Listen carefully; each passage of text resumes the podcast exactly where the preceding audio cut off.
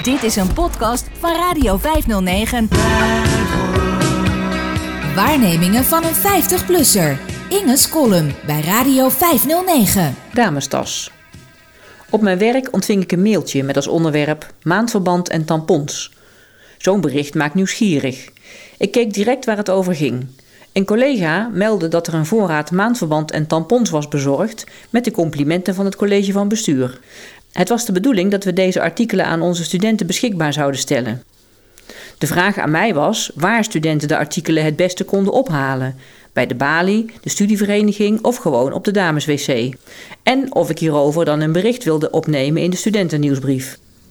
Ik stond versteld. Sinds wanneer deelt een universiteit menstruatiemateriaal uit? We zijn een onderwijsinstelling, geen caritatieve organisatie. Ik begreep er niets van. Was het de week van de menstruatie?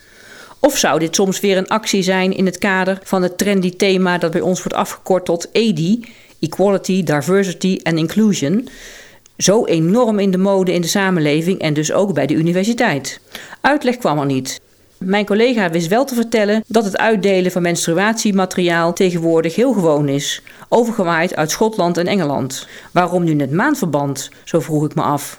Waarom geen tandpasta, deodorant of vers fruit, om maar eens wat eerste levensbehoeften te noemen? Maandverband is duur, zei mijn collega. Dat is waar, maar er is wel meer duur tegenwoordig. Overtuigd was ik nog steeds niet. Tot mijn verbazing ontdekte ik de volgende dag dat het om een trend ging die al tot mijn eigen dorp was doorgedrongen. In een regionale krant stond een bericht met de volgende kop: Soraya 34 strijdt tegen gêne voor menstruatie. Het artikel ging over de door Soraya als noodzakelijk benoemde wens om op zoveel mogelijk plaatsen in ons dorp gratis afhaalpunten in te richten voor menstruatiemateriaal. Gelukkig, zo werd geconstateerd, leveren mensen massaal net aangeschafte menstruatieproducten in bij supermarkten die deze producten dan weer ter beschikking stellen voor distributie via afhaalpunten in bijvoorbeeld bibliotheken. Ongelooflijk. Ik herinner me nog de actie Help de Russen de winter door, lang voordat Poetin aan de macht kwam en oorlogstaal begon uit te slaan.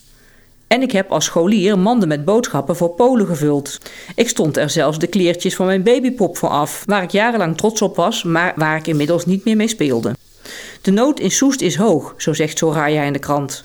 Wat te doen als je plotseling ongesteld wordt, niet thuis bent en geen geld bij je hebt? Tja, dat lijkt me lastig, maar ook behoorlijk theoretisch. Wie gaat er zonder smartphone of bankpasje langer dan vijf minuten de deur uit? En inderdaad, soms word je onverwacht ongesteld. Maar meestal weet je bij benadering wel wanneer het bloeden begint. En dan stop je uit voorzorg een tampon in je tas. Niet echt een probleem, lijkt mij.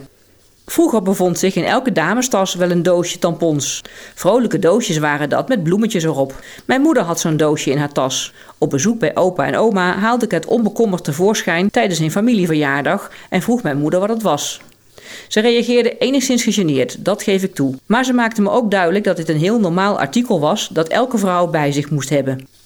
Soraya noemt het jammer dat maandverband zo duur is en dat je het niet kunt declareren bij de zorgverzekeraar.